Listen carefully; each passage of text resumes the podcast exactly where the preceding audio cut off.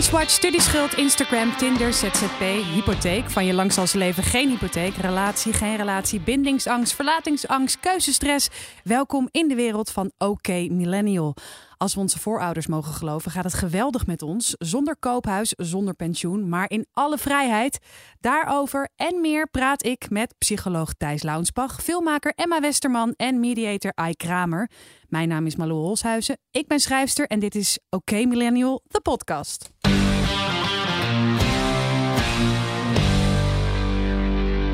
Jongens, we gaan het hebben over netwerken. Uh, over ons eigen netwerk, over hoe je moet netwerken, over hoe je vooral niet moet netwerken. Netwerkblunders. Uh, laten we eerst even kijken hoe uh, een rondje. Ike, hoe omschrijf je jouw eigen netwerk? Hoe ziet dat eruit? Hoe ziet mijn netwerk eruit? Nou, ik denk dat ik op zich voor, vanuit mijn werk best een redelijk netwerk heb. Um, ik denk dat ik een relatieve grote groep heb van mensen met wie ik ook daadwerkelijk wel projecten doe of mhm. projectjes doe.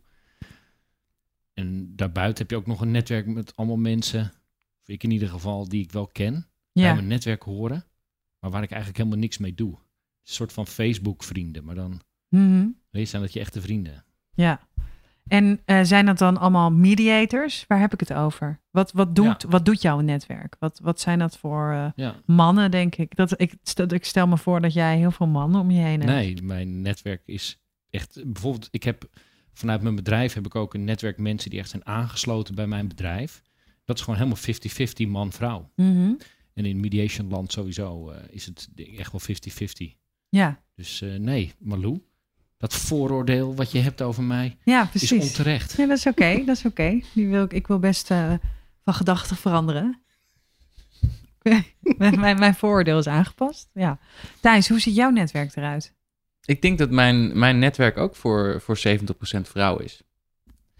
Um, dus omdat je zo hot bent. Dat zou, dat zou kunnen. En omdat ik binnen de psychologie werk en, uh, en, en het boekenvak en zo. Dus daar zijn, daar zijn veel vrouwen aanwezig. Ja, ja. Um, ja, hoe ziet mijn netwerk eruit? Of hoe, hoe ik het voor me zie, hoe, hoe ik het visualiseer of wat het, wat het voor mensen zijn? Is dat? Um, nou ja, kijk, misschien kan ik het eerst uh, uh, zelf beantwoorden. Mijn netwerk uh, zijn voornamelijk heel veel makers, makers en journalisten. en dan onder de makers vallen heel veel programmamakers, radio en televisie. Heel veel theatermakers, um, schrijvers. En uh, journalisten, ja, dat is een beetje het netwerk wat ik om me heen uh, heb verzameld. Ja. -hmm. um, zo ziet mijn netwerk eruit. Ja, nee, dan, dan zou ik zeggen, mijn netwerk bestaat uit andere schrijvers, andere sprekers, ondernemers, um, mensen die evenementen organiseren uh, en media mensen, journa -hmm. journalisten vooral. Ja, ja dat Emma. Is, ja. Um, ik heb best wel ik heb het gemeleerder dan ik dacht. Ik ben even op LinkedIn gaan kijken wie ik mhm. allemaal in, mijn, in dat netwerk heb zitten. En ik heb heel veel makers, heel veel filmmakers, uh, mensen uit de media, schrijvers, journalisten. Maar uh, het viel me ook op dat ik, ik maak ook vrij veel uh, films in opdracht van bijvoorbeeld een museum. En door zo'n opdracht wat dan gaat over archeologie in dit geval, heb ik opeens ook weer heel veel archeologen en mensen uit die hoek in mijn netwerk. En dat zijpelt dan zo binnen en dat uh, haakt dan aan. Dus ik vond het eigenlijk wel grappig om te zien dat ik een beetje een spoor kon vinden van wat ik de afgelopen tien jaar aan onderwerpen eigenlijk uh, uh, ben tegengekomen, waar ik mhm. dingen over heb gemaakt. En, en verrassend veel mensen eigenlijk die ik nog ken ook van vroeger er echt van middelbare school, studie en best wel wat mensen die daardoor ook een heel andere kant op zijn gegaan. En, uh, maar dan heb je het wel echt, want als ik kijk naar, ja, als je inderdaad zes jaar uh, radio maakt en dan mhm. ook act actualiteiten, dan spreek je inderdaad iedereen. Mm -hmm. Maar niet iedereen is is je netwerk, toch? Niet iedereen op LinkedIn is toch ook jouw daadwerkelijke netwerk? Nee, maar ik vind van netwerk mensen waar je mee werkt. Nee, precies. Maar netwerk in mijn, in mijn optiek zijn mensen die ik vandaag zou kunnen bellen als er iets is, als ik een vraag heb of eh, ik, ik moet iets weten of ik heb iets nodig of ik, even, of ik bied me aan dat ik weer iets wil maken. Dat zijn dan uh, actieve uh, ik denk dat mijn actiefste netwerk uh, uh, buddy toch altijd Thijs is. Omdat ik als ik ergens een programma moet maken en ik kom er echt niet uit, dan is het altijd Oh ja, bel Thijs. Die, die kan, die, die, die, die fixt Dat is het een wel. soort joker. Is. Ja, Thijs is mijn Die kan je joker. altijd inzetten. Ja, Hey, maar eigenlijk zijn wij ook het product van netwerken, hè? zat ik eh, te bedenken. Ja. Want eh, wij zijn eigenlijk bij elkaar gekomen door overlappende netwerken. Dat ik op een gegeven moment is het ooit begonnen met, bij eh Thijs en Ike, die ken ik, omdat ik ooit tegen iemand zei met wie ik in een jury zat. Ik wil eigenlijk meer doen met eh, programma's rondom documentaires dat gaan organiseren. En die zei toen, oh dan moet je bij Ike en Thijs zijn. Van toen nog Generation Y. Mhm. Toen zijn we in Haarlem, ben ik aangehaakt bij jullie platform. Uiteindelijk is daar na heel veel omwegen eh Millennium Manifest uit ontstaan. En daar is toen Malou uiteindelijk ook bij gekomen, die we leerden kennen door, eh, door je columns online te Nou, lezen. jij leerde mij kennen omdat je ge- gewoon een keertje mee was met iemand en opeens bij mij aan het eten dat is was. waar, je hebt. Indisch gekookt toen. Ja, Dat heb je daarna nooit meer gedaan. nee, precies. Nee. Zo'n leuke avond. Dat is waar, dat is onze kennismaking. Ja, Ja. inderdaad. Ja, en toen had, heeft Emma mij gevraagd, nou gestrikt meer, Ja. erin geshanghaaid om jullie boekpresentatie te, eh, Ja. ehm, te dus- presenteren. Ja. Ja, maar jij zegt als je iemand kunt bellen om advies te vragen, dan tel je die persoon tot zijn netwerk. ja, of voor niks te wer- komen werken. Ja, precies. Ja. Oké.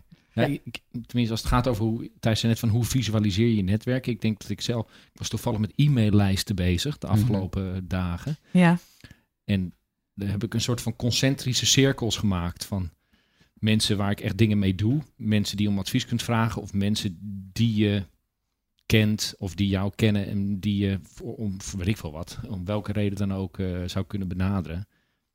En ik denk wel dat, kijk, ik doe ook bestuurswerk. Mhm. Dus ik zit in, ik heb drie bestuurlijke functies. Nou, dat klinkt heel hoog, maar dat is het niet. Maar dat is bijvoorbeeld, hè, ik ben dan voorzitter van de mediatorsvereniging en bestuurder in de Mediators Federatie. En dan dat soort werk levert wel ongelooflijk veel netwerk Mhm. op. En dat is denk ik wel een soort van andere level van netwerken dan gewoon mensen die je tegenkomt. Ik denk bijvoorbeeld net als ook als je bij de radio werkt, dat dat, dan krijg je gewoon veel grotere netwerken dan gemiddeld Ja, Mhm. gigantisch wordt dat denk ik. Ik denk als je dat zou gaan opschrijven. En er zijn ook mensen die doen dat. Hè? Hoe heette die ook weer? Ehm, Malcolm Gladwell. Dat zijn de connectors. En er zijn gewoon mensen die hebben gewoon een Rolodex Mhm. met 2.000, 3.000 namen erin. Waar ook bij staat wat die mensen doen, et cetera. En die houden dat ook bij. Mhm. En dat is gewoon voor die mensen die bouwen misschien wel zelfs een hele carrière rond dat netwerk. Mhm. Ik denk dat dat ook. Dus ik denk voor de gemiddelde millennial, en helemaal voor de millennial ZZP'er, is denk ik netwerken wel echt een eh, survival skill. Mhm. Ja, toch gek dat je daar dan, tenminste ik op mijn opleiding niet zo heel veel eh, over heb, heb gehad. Het ging wel over dat je feedback moet kunnen incasseren en dat je een mooi competentieplan kon schrijven en zo. Maar het vak netwerken was bij mijn opleiding helemaal niet aanwezig. Nee. En mensen hebben vaak een soort viezige connotatie ermee, hè? Van, ugh, netwerken. Dat, is- dat is, Ja, maar dan ga eh, je iets halen bij iemand. Precies, ja, zeg maar. terwijl dat totaal niet. Tenminste, ik ervaar dat niet zo. Oh nee? Nee. Hoe ervaar jij netwerken? Nou, eigenlijk ooit toen, de- ooit toen ik begon met werken, dacht ik, ugh, netwerken, dat moet dus. En Ja. dat werd heel erg eh, eh, eh, krampachtig soms. En op een gegeven moment kwam ik erachter dat juist op de momenten dat ik ergens ben, zeg een, een borrel met mensen uit de filmwereld of wat dan ook. En je staat gewoon leuk met iemand te praten en je hoeft daar niet per se al iets mee, maar je ontmoet elkaar. Dan ehm, eh, ontstaat er een gesprek en gewoon een connectie die misschien later eh, iets van werk oplevert of een samenwerking of je kan advies vragen. Maar ik vind dat de lekkerste manier van netwerken. Dus dat je niet per se achter iemands functie zeg maar aan zit te kwispelen. Van oh, daar staat een directeur en die moet ik spreken, want die is de directeur. Maar ja, voor jou gaat netwerken dus gewoon bijvoorbeeld op een borrel eh, gaat heel natuurlijk. Ik denk omdat ik, ma- ik praat makkelijk met mensen. Dus ik, ik stel wel makkelijk vragen, dat helpt wel. Maar ik sta wel, als er echt een borrel is waarvan ik weet er komen mensen die ik nodig heb, of voor informatie, of om misschien mee samen te werken, of ik heb een film en die wil ik ergens kwijt, of ik heb een idee en daar wil ik over praten.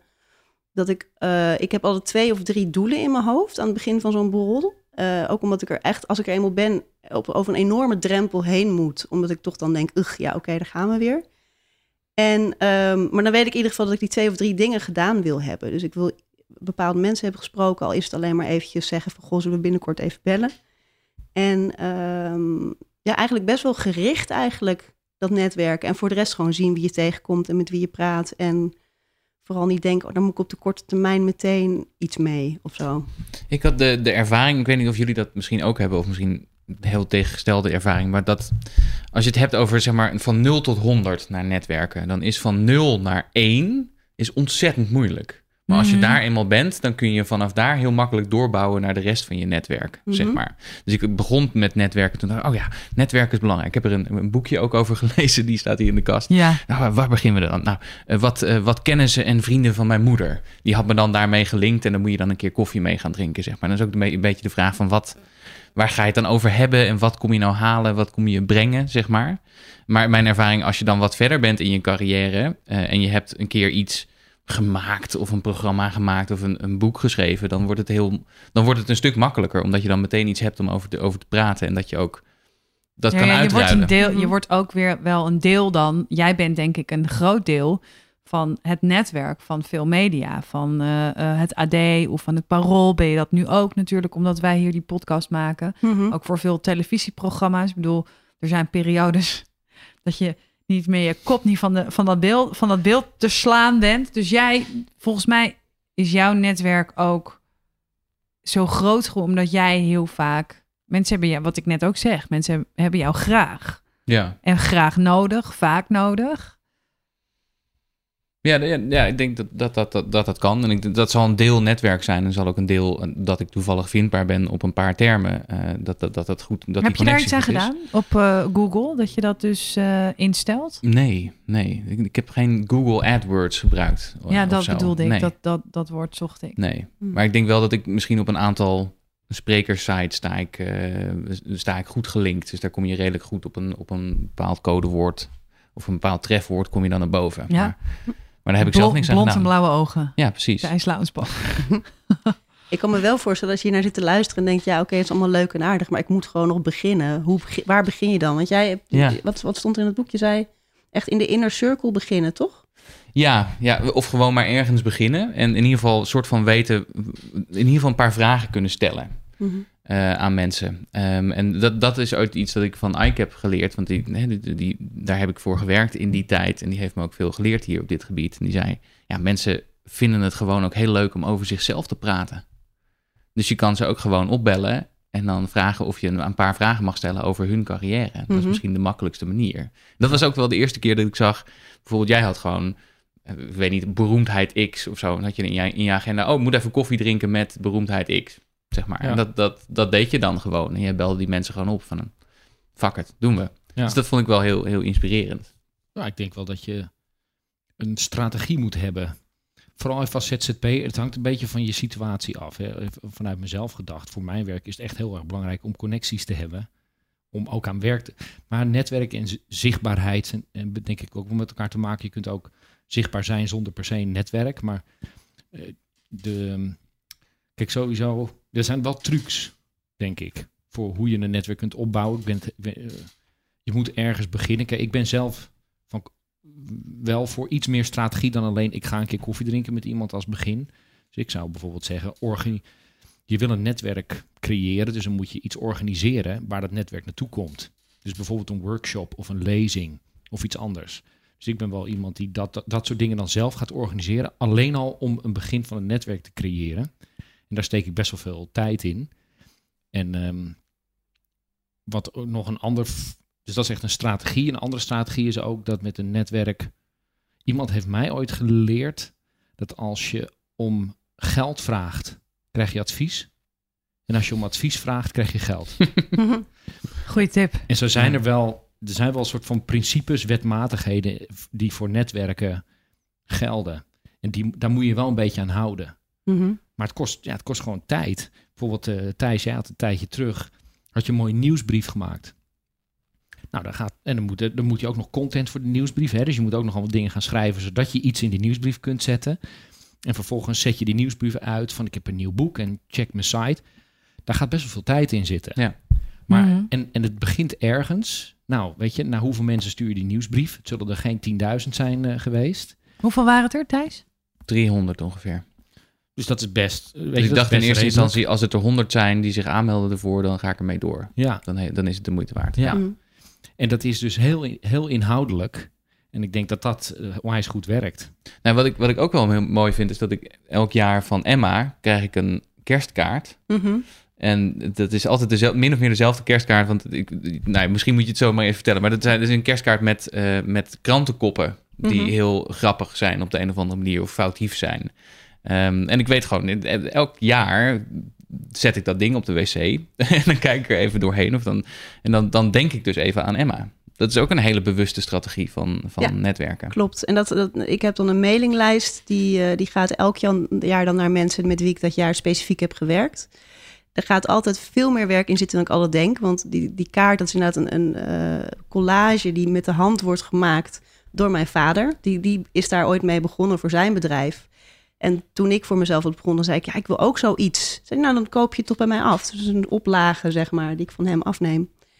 Uh, met een eigen tekst erop. Maar Moet ik... je daar je pa voor betalen? Voor die kerstkaart? Die nee, man. Een, gro een, iets groter kerstcadeau en dan is het goed. Oh, oké. Okay. Ja. Nee, maar in ieder geval, uh, nou, die drukkosten en zo, dat is allemaal helemaal te overzien. En je krijgt er heel veel respons op. Maar ik, ik doe dan ook alles nog handmatig met een persoonlijke boodschap erbij. Ik begin meestal heel klein, maar dat wordt toch heel erg snel heel groot. Dus ik, ik, vergeet elk jaar weer dat ik er gewoon twee weken mee bezig ben. Maar wat Thijs ook zegt, mensen hebben het hele jaar doorhangen en ze, ja, en ze vinden het leuk. En het is een leuke manier om te bedanken. Ik voel me wel opgelaten. Omdat ik, omdat ik dan denk, oh ja, dit is alweer de, het vierde jaar dat ik van Emma een kerstkaart krijg. En ik heb echt haar nog nooit een kaart gegeven. Of Ja, maar dat, is, dat is een bijkomend voordeel natuurlijk van deze strategie. Want heel veel mensen hebben vagelijk het gevoel dat ze Emma iets verschuldigd zijn de rest van het jaar. Precies, ja. Guilt Ja. trip, daar ga ik heel goed op, ja. Toch krijg ik een beetje, eh, nou, toch wel een beetje slappe gevoelens in eh, De onderbuik. bepaalde delen van een, eh, van een lijf. Omdat ehm, ik eh, dat gelul, inderdaad, in, ik vind het ook heel veel gelul in de ruimte. Mhm. En ik kan, ik kan dat sowieso, n- natuurlijk, dat weten jullie ook, dat ik dat niet echt zo heel goed kan. Dat als het nergens over gaat, koetjes en kalfjes, small talk, dat, dat vind ik, ja, ik vind het gewoon niet interessant. Ik vind heel vaak ook de verhalen van andere mensen totaal niet interessant. En dat, ik kan ook heel goed afhaken, zo halverwege. eh, Een zin. ja, een zin van iemand. Of ook mijn eigen zin. En, ehm, en dan... ehm, eh, Maar heb je ja, het nu over, over als jij iemand benadert om te netwerken of als iemand jou ja, benadert op om te bijvoorbeeld zo'n netwerkborrel. Mhm. Nou, daar, daar, daar schiet alle... Stressvlekken. stre- Nou ja, nee, geen stressvlekken, maar gewoon echt geen zin in. Ja, Ja, maar, het, echt. ja, maar het verschil is dus, Emma zegt ook net, zij heeft, zij heeft, als zij naar een netwerkborrel gaat, ik Ja. sowieso, ik ga ook niet echt naar een netwerkborrel, Niet vaak hoor, nee, het is geen hobby. behalve de borrel waar ik naartoe moet, Mhm. zeg maar. De, maar zij heeft een strategie Ja, voor zeker. een borrel. Dus zij weet gewoon wie daar is die ze wil spreken. Dus daar zit een plan, dan wordt het, dan wordt het een heel ander verhaal. Mhm. Plus ook, ik denk wat ook wel een verschil is, wat ik een heel sterk punt van Emma vind, is Emma, kijk, Emma is gewoon heel erg geïnteresseerd in andere mensen. Mhm. Als je dat niet bent, weet je, dan is netwerken ook. Dan moet je daar rekening mee houden in je netwerkstrategie. Dan moet je niet allemaal gesprekken met mensen gaan voeren waar je niet in geïnteresseerd bent. Nee, Want dan, word je, dan haak je af. Ik vind ook van die echte netwerkers, weet je wel, die er, die er zo vol, dat je zo, eh, eh, dat iemand zich voorstelt al met voor- en achternaam. Dat vind ik trouwens wel altijd. Ik stel me altijd voor met mijn voornaam en mijn achternaam. Ja, dat vind ik belangrijk. Ehm, en dan eh, zo iemand, zo- Daan, mijn beste vriend, is sales manager. Nou ja, zijn werk is natuurlijk netwerken. Mhm. En, en gewoon, die schreeuwt, die komt een, een, een, een beurs binnen. En het enige wat hij uitstraalt is, koop mij. Ja. Koop mij. Het maakt niet uit wat, maar koop mij. Ja. En dus die, die, die kom je dan. En dan, en dan ehm, eh, eh, nou ja, stelt zich voor, hoi, Daan van de Kamp, bla bla bla. En dan zegt hij, nou, ik ben Lieselot, hoor je dan iemand? En dan zegt hij, nou, hallo Lieselot. En wat doe je? En dan gaat hij zo halverwege een drankje halen voor Lieselot. Ja, goh, Lieselot, wil je nog een beetje wijn? En, ja, en die naam en dan zo. En dan denk ik, oh, moet je jezelf nou zien, jij achterbakse. Zo. Ik vind het allemaal zo nep. En dan zit ik zo... "Ugh." En dan, oh, en dan vraagt iemand aan mij, wat doe je? En dan zeg ik, ja, iets met schrijven. En dan ben ik er al helemaal klaar mee. En denk ik, oh god. Ik heb dus ook, bij mij is netwerken ook echt op zo'n borrel, inderdaad, waar we allemaal, ons niet heel, maar zo'n sales ding of zo, of een nieuwjaarsborrel van, waar je dan voor wordt uitgenodigd van een of ander bedrijf, waar je denkt, in godsnaam, dat je dan, ehm, nou, ik, ik zit dan vaak dus echt met, met plaatsvervangende schaamte. Ik kom daar vaak om er daarna hele lelijke columns over te schrijven en, en de mensheid belachelijk te maken. Ja. Dat kan ik me heel goed voorstellen. Maar dat ja. is ook het soort netwerken dat je ook niet helemaal weet wat je aan die persoon gaat hebben. En een beetje moet aftasten in een soort choreografietje van een minuut of vijf à tien. Dat je dan Ja. gesprek... Vreselijk. Ja, Ja, nee, dat, dat kan, ik, kan ik ook heel slecht tegen. zijn er netwerken, he- hebben we nog een netwerkanekdotes van iemand die... Ja, ik eh, heb, ik heb erover nagedacht. Want dat gaat wel over hoe kan je zo'n grote borrel aanpakken. ja. Maar dit was dan niet een borrel. Dit is eh, lang geleden. Ik denk eh 12, 13 jaar geleden. Toen ehm, was eh, Alexander Brenninkmeijer was nog ombudsman. En dat... eh, weet je wie dit is, Malou? Nee, ja, dat weet je Ja, was de, was de, de ombudsman. Was dat.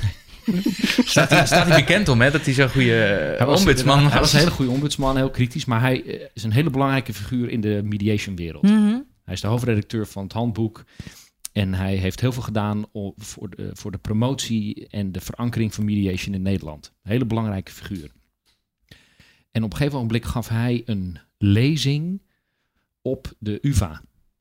En er kwamen heel veel mensen kwamen daarop af. En toen, en ik was echt eh, young and eager. Ik was al een tijdje met mediation bezig, maar ik wist van, ik, ik zou zo graag een keer met hem in gesprek komen. Volgens mij is hij heel belangrijk voor mijn netwerk. En toen was die lezing was, eh, voorbij. En toen in de aula of in de hal werd hij echt omringd door mensen. Stond echt 10, 20, 30, ik, het leek wel alsof er wel 100 man om hem heen stond. Als een soort eh, ambtenaar sl- slash ro- rockster, Mhm. zeg maar. Dus iedereen stond om hem heen. En toen had ik meteen het gevoel van, dit gaat niet werken. Als ik nu hier probeer tussendoor te wurmen om zijn hand te schudden, dan gaat het gaat niet werken. Dus wat heb ik toen gedaan? Toen ben ik naar buiten gelopen. Het was Oude Manhuispoort. En dan heb je ook zo'n hofje daarvoor. En toen ben ik buiten gaan staan, buiten de deur. En mijn intuïtie zei al zoiets van... waarschijnlijk heeft hij ook geen zin om heel erg lang te blijven hangen. Dus weet je wat? Ik ga buiten staan wachten en dan wacht ik hem gewoon op. Dus ik heb een... eh, ik denk dat ik ongeveer 20 minuten buiten heb gestaan. En ja hoor, dat was dus al redelijk snel. Kwam je naar buiten en toen zei ik... meneer Brenninkmeijer, geef me 20 seconden. Dus toen zei ik, oké, ik doe mediation, doe beleidsmiddeling. Volgens mij is de toekomst, mogen we hier een keer over praten. En dat is het enige wat ik had gedaan. Hij zei, ja, is goed, bel, het secretariaat maar. En een week later zat ik bij hem in Den Haag. En eh, twee weken later had ik eh, een klus voor hem zelfs. En, dat heeft, en die klus heeft heel veel deuren geopend voor mij. Dat is hoe ik heel veel, heel veel andere klussen zijn daar weer uit voortgekomen. Dat was wel een moment voor mij dat ik me realiseerde van ja, netwerken, je moet het doen op een manier die voor jou werkt. Mhm. En die ook strategisch is. En als je er goed over nadenkt, dan kan je denk ik wel wat bereiken. Maar die borrels, Ja, waarin je een beetje met mensen vrienden moet worden die eigenlijk je concurrenten zijn. Dus ja, nee. niet om het een of ander, maar over vrouwen. Wat er over mij wordt gezegd door eh, andere collega's. En dat gaat erom over dus dat je een goed netwerk hebt opgebouwd, dat je veel mensen kent. Wordt er wel over vrouwen snel gezegd, oh, die zal dan wel die gast geneukt hebben. Mm. Dat is echt zo. Als je dus... Mhm. ik, Ook in je ik- gezicht? Of hoor je dat dan achteraf? Nee, dat hoor je voornamelijk achteraf. Ik had het laatst weer. Laatst was. Eh, eh, ik heb heel lang eh, met een presentator gewerkt. En toen kwam ik een redacteur tegen en die zei: Oh ja, maar, maar jullie, waren toch, jullie neukten toch altijd? Ja, dat hoorde ik laatst van iemand dan weer op die redactie. Dat je denkt: Ja, ik overdrijf dan, heel, dan trek ik hem door. Dus ik zeg ja met hem, maar ook met die en ook met die en ook met die. Maar dat is dus als vrouwen een goed netwerk bezitten in de media, met, met voor, voornamelijk in dat netwerk mannen van macht, Mhm. wordt er vaak over vrouwen gezegd. Nou, die, die zullen wel met elkaar neuken. Of ah, ze zal wel geneukt hebben. Ja, sterk, ik weet niet of jij dat ook hebt, maar ik heb wel zo'n zo'n echt zo'n ontzettende netwerkborrel dat iedereen er enorm met elkaar stond te brallen. En ik was er via via naar toegekomen en totaal niet zeg maar mensen die ik anders zou zijn tegengekomen, allemaal van die directeur en weet ik wat allemaal. En ik stond met iemand te praten en die was eh, heel geïnteresseerd in wat ik deed en die wilde eigenlijk ook wel helpen eh, qua zoeken van financiering naar films en waar dan mijn documentaire over ging. En we stonden aan de bar en hij was echt ineens... en hij zei, nou, dat vind ik echt interessant. En ik, volgens mij ben je een hele goede maker. En je hebt ook echt zo'n goede kont. En, en nou ja, en ik denk ook dat jouw volgende documentaire heel interessant gaat zijn. Maar echt daarin verweven, dat ik ook eerst dacht, heb ik dat nou goed? Hè? Heb ik dat nou goed gehoord? En toen echt een paar minuten later deed hij het weer... waarbij hij echt uitgebreid ook naar mijn kont ging staan kijken aan de bar. Dat ik echt dacht, nou, ik moet hier echt nu weg. Ik voelde me zo zwaar ongemakkelijk. Totaal. Maar dat ik ook dacht, waar had ik, eigenlijk had ik daar iets heel ja, snedigs op moeten zeggen. Of gewoon een klap of weet ik. Maar dat doe je dan ook weer niet. Want het is dan toch net ja, in hun ogen onschuldig of zo. Ik vond het heel, heel intrigerend ook weer. Dat ik dacht achteraf, ik voelde me een beetje viezig. Maar met zo iemand wil je toch nooit meer werken? Nee, natuurlijk niet. Dus ik dan kan je toch net zo goed zeggen: hey, Ik ben weggelopen Gast. daarna, maar het is, ik vond dat heel ongemakkelijk. Ja, dat snap ik. Maar hoe lang is dit geleden? Want zou je nu weer je mond houden? Dat vraag nee, ik me af. en dit was inderdaad voor MeToo. Ja. Dus volgens mij kan dit ook nu niet meer. Want er denk niet ook dat ze het mannen nog bij. durven, ja. Nee. nee, dit was echt een jaartje of vijf. Dus Thijs, niet meer doen. geleden. Ik kreeg laatst van iemand op LinkedIn een, eh, een berichtje die me had gestuurd. Ja, wat jammer dat LinkedIn geen, eh, geen dating site is, hè? Oh, echt? Dat was, was een beetje, vond ik een beetje eh, gênant. Maar ik zat toch wel na te denken over wat is nou een ongemakkelijke eh, netwerkervaring. Sowieso, eh, eerder dit jaar ben ik lid geworden van een, een hele chique club in Amsterdam. Ehm, waarvan ik dacht, oh, dat is supergoed voor mijn netwerk. Maar het blijkt dat als ik daar rondloop, iedereen gewoon heel Amsterdams alleen maar met zichzelf bezig is. En er eigenlijk bijna geen gesprek mogelijk Ja. is. Ehm, dus dat is Dus dan nodig je mij maar weer uit voor koffie? precies, want Ja. jij, jij praat altijd wel over koetjes en kalfjes. Ja, niet. Ehm, eh, maar ik zat, ik zat nog over iets anders te denken, namelijk dat ik... ik, ik was bij iemand eh, in een programma. Iemand die best wel, best wel groot is in Nederland in, op het gebied van media. En ik had iets voor hem gedaan en een soort bijdrage geleverd ergens. Ja, die naam ga ik niet noemen, dat vind ik niet, eh, niet chic. Mhm. En toen kwam ik hem later ook nog ergens tegen op een, op, een, op een feestje en hadden we een leuk gesprek. En toen dacht ik, nou, misschien is dit wel iemand met wie ik een keertje gewoon een, een, een biertje kan drinken of een kopje koffie kan drinken. Een soort netwerkding. En dat werd dan, dacht, nou ja, ik waag het er maar eens gewoon op. Ik, gooi, ik, ik doe de gok, ik stuur maar gewoon zo'n mailtje van, zullen we een keertje wat drinken? Ehm, en toen kregen we zo'n ongemakkelijke mailconversatie met, oh, wanneer dan? En dat ging er weer een week overheen. En dan had ik weer een datum voorgesteld. Zei, ja, met, met kinderen gaat niet en zo. En dan het niet zelf ook een alternatief geboden. Dus ik werd, ik werd gewoon een soort van heel, eh, ehm, heel zacht soort van afgewezen. Tot ik maar zelf afgewimpeld. Tot ik maar zelf Oh, je dacht, hebt nou, een netwerkblauwtje Ik gelopen. heb een netwerkblauwtje gelopen. ja. Ja, ja. Ben je uiteindelijk ook geghost? Want dan, eh Dan ben je een helemaal- praatgroepje met Emma. Precies. Nee, dat is dus, eh, ja, nee, dat was de, blijkbaar net iemand die toch net, net buiten mijn league was. Wat betreft eh, netwerken, denk ik. Ja. En waarom wilde je dan die persoon in je netwerk hebben? Nou, ik dacht dat kan interessant zijn. Het is ook wel een aardige gast of zo. Ja. Het was, was meer niet. Ik had niet een per se een, een strategie erachter, maar het was gewoon. ik Dacht, nou, dat is dat kan wel interessant of leuk zijn. Ja. Zeg maar. Ja. Ja, daarom. Nee, kijk, wat ik nu ga zeggen, dat bedoel ik niet als kritiek hoor, maar meer als het het roept bij mij voor mezelf een vraag op.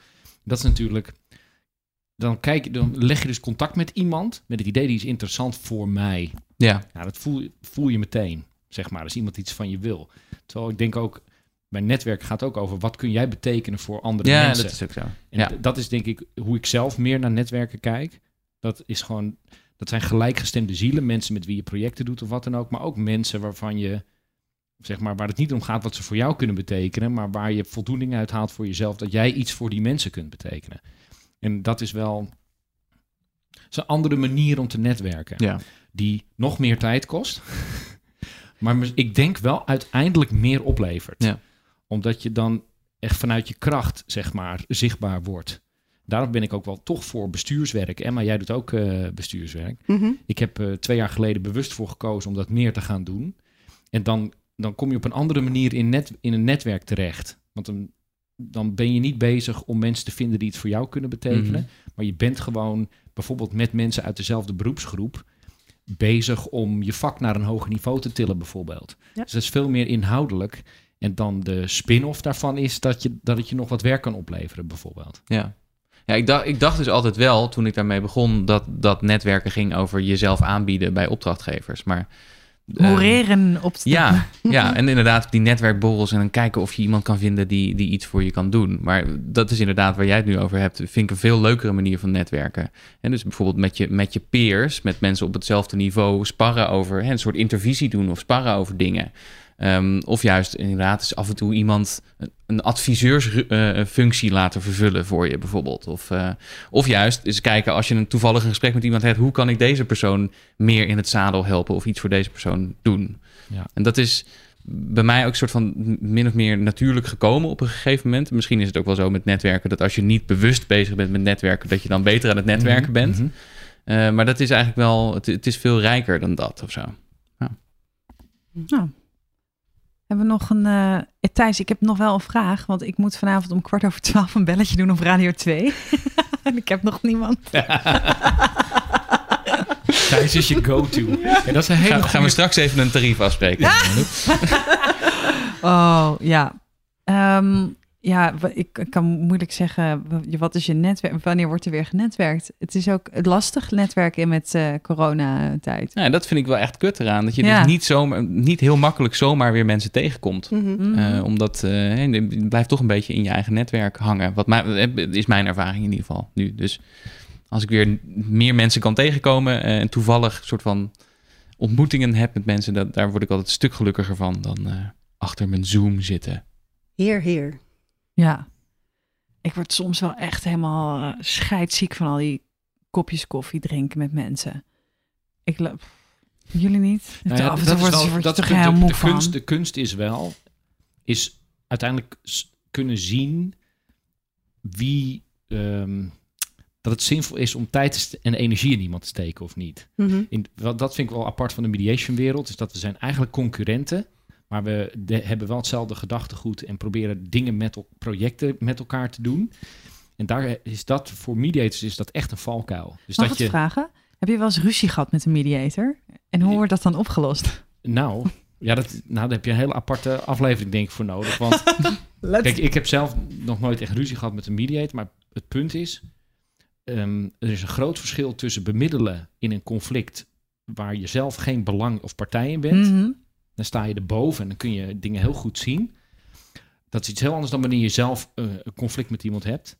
Plus, een mediator die kent alle trucs. Ja, Dus als je ruzie hebt met een mediator, dan is dat heel vervelend. Maar het is niet zo vervelend als ruzie hebben met een advocaat. Want dan heb je pas echt een probleem.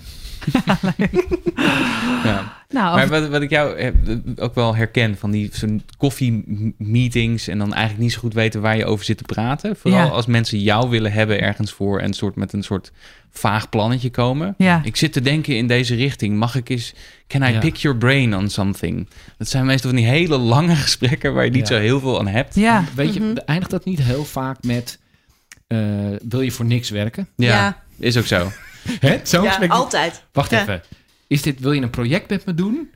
Of wil je dat ik een klus voor je doe? Ja. Ja, en als Ja. het dan... Er zit een, een addertje onder het gras. Ja. Het is niet helemaal zuivere koffie. Ik heb een heel leuk idee. Er is alleen geen budget. Ja, precies. Oh. Maar ze weten het altijd wel net zo te Ja. brengen dat je eigenlijk gewoon ja zou moeten zeggen. Dat is Ja. met zo'n blik van, hoezo nee? Ja, ja, Maar mijn, mijn policy is eigenlijk altijd om dan gewoon maar te beginnen. en Als ik het niet helemaal zeker weet, om te beginnen met een eh, belafspraakje van een half uur. Dan zit je in ieder geval niet een uur aan koffie vast. En eh, dat, dat scheelt in ieder geval voor mij veel werk. Dan hoef je niet ergens heen. En dan is het een stuk minder tijdsinvestering. Kan je altijd nog denken, oké, laten we hier nog eens later over doorpraten. Maar dan weet je dat het de moeite waard is. Ik zeg altijd, nee, ik lust geen koffie. Kijk, je koffiering? Nee, lust niet. Doei. Hey, en Maar andersom. dat is echt een vrouw die door te veel mannen is lastiggevallen. Hey, en andersom, want ik word ook af en toe benaderd door eh, mensen die dan iets willen weten, bijvoorbeeld over hoe word je documentairemaker, of die daar net mee zijn begonnen of tips nodig hebben. We zeggen niet. Nou ja, ik, vind, ik heb daar altijd heel veel aan gehad toen ik net begon. Door, eh, ik benader nog steeds mensen die ik iets moois... Als ze iets moois hebben gemaakt, wil ik daar heel graag over praten. Of iemand eh, waarvan ik denk, nou, daar kan ik iets van leren. Dus ik vind het te gek als mensen het aan mij vragen. Maar ik ben daar ook wel selectiever in geworden. Omdat ik ook merkte, ja, op een gegeven moment moet je toch een beetje daar eh, een scheiding in doen. Van wanneer kan je iemand echt helpen? En wanneer is het iemand die gewoon maar roept, ik wil, ik vind het leuk om eh, films te kijken. Dat wil ik ook, in mijn Ja, geval. dan. makers. Als je iets... Ik Maar denk hebben dat jullie dat ook? altijd... Nou ja, wat, wat je altijd... Iemand zeggen dat hij iets moois heeft gemaakt... dat Mhm. is natuurlijk altijd heel fijn om te horen. Doen jullie, ik doe dat als ik iets moois vind, ik doe dat dan ook gewoon. Ik vind het heel Sorry, maar dan vind ik dat jij mij bar weinig berichtjes stuurt met... De... Je moet ook iets beter je best doen, Malou. Zo. Ja. Nee, maar op, ja, als Mooi je, boek, Thijs. Ja. Oh, weer zo'n mooi boek, Thijs. Maar als je op een bepaald niveau komt, op een bepaald niveau krijg je steeds meer mensen die vragen. Bij mij heeft het vaak, als het jonge mensen zijn, willen ze meteen afstuderen Ja. bij me. Dus er gaat ongelooflijk veel tijd in zitten. Mhm. Dus dan moet je, ja, ik denk dat het oké is om terughoudend te zijn. Maar in principe, als iemand, dit- wat Thijs net zei, er is één uitzondering en dat is gewoon iemand die, iemand om advies vragen of eh, om advies gevraagd worden, is gewoon eh, heel fijn. Ja, is echt Mhm. leuk. Doe je dat Ja. mee. Maar de, de echt, je hebt ook types die doen dus alsof ze advies vragen. Heel doortrapt Eigenlijk dat, ja. zijn ze zichzelf aan het verkopen bij je. Ja. En dat is, daar moet je wel een beetje naar, ik denk de kunst van netwerken is dat je daar een beetje een radar voor ontwikkelt. En dan moet je het wel een paar jaartjes voor, eh, Ja, een uitgekookt alarm. Ja, een uitgekomen, ja. Uitgekookt alarm. Ja. Deze is uitgekookt. Ik wil een nieuwe, ik wil een nieuwe gesprekspartner en een bier. Oké jongens, laten we, laten we er een eind aan breien. Want ik ben jullie zat.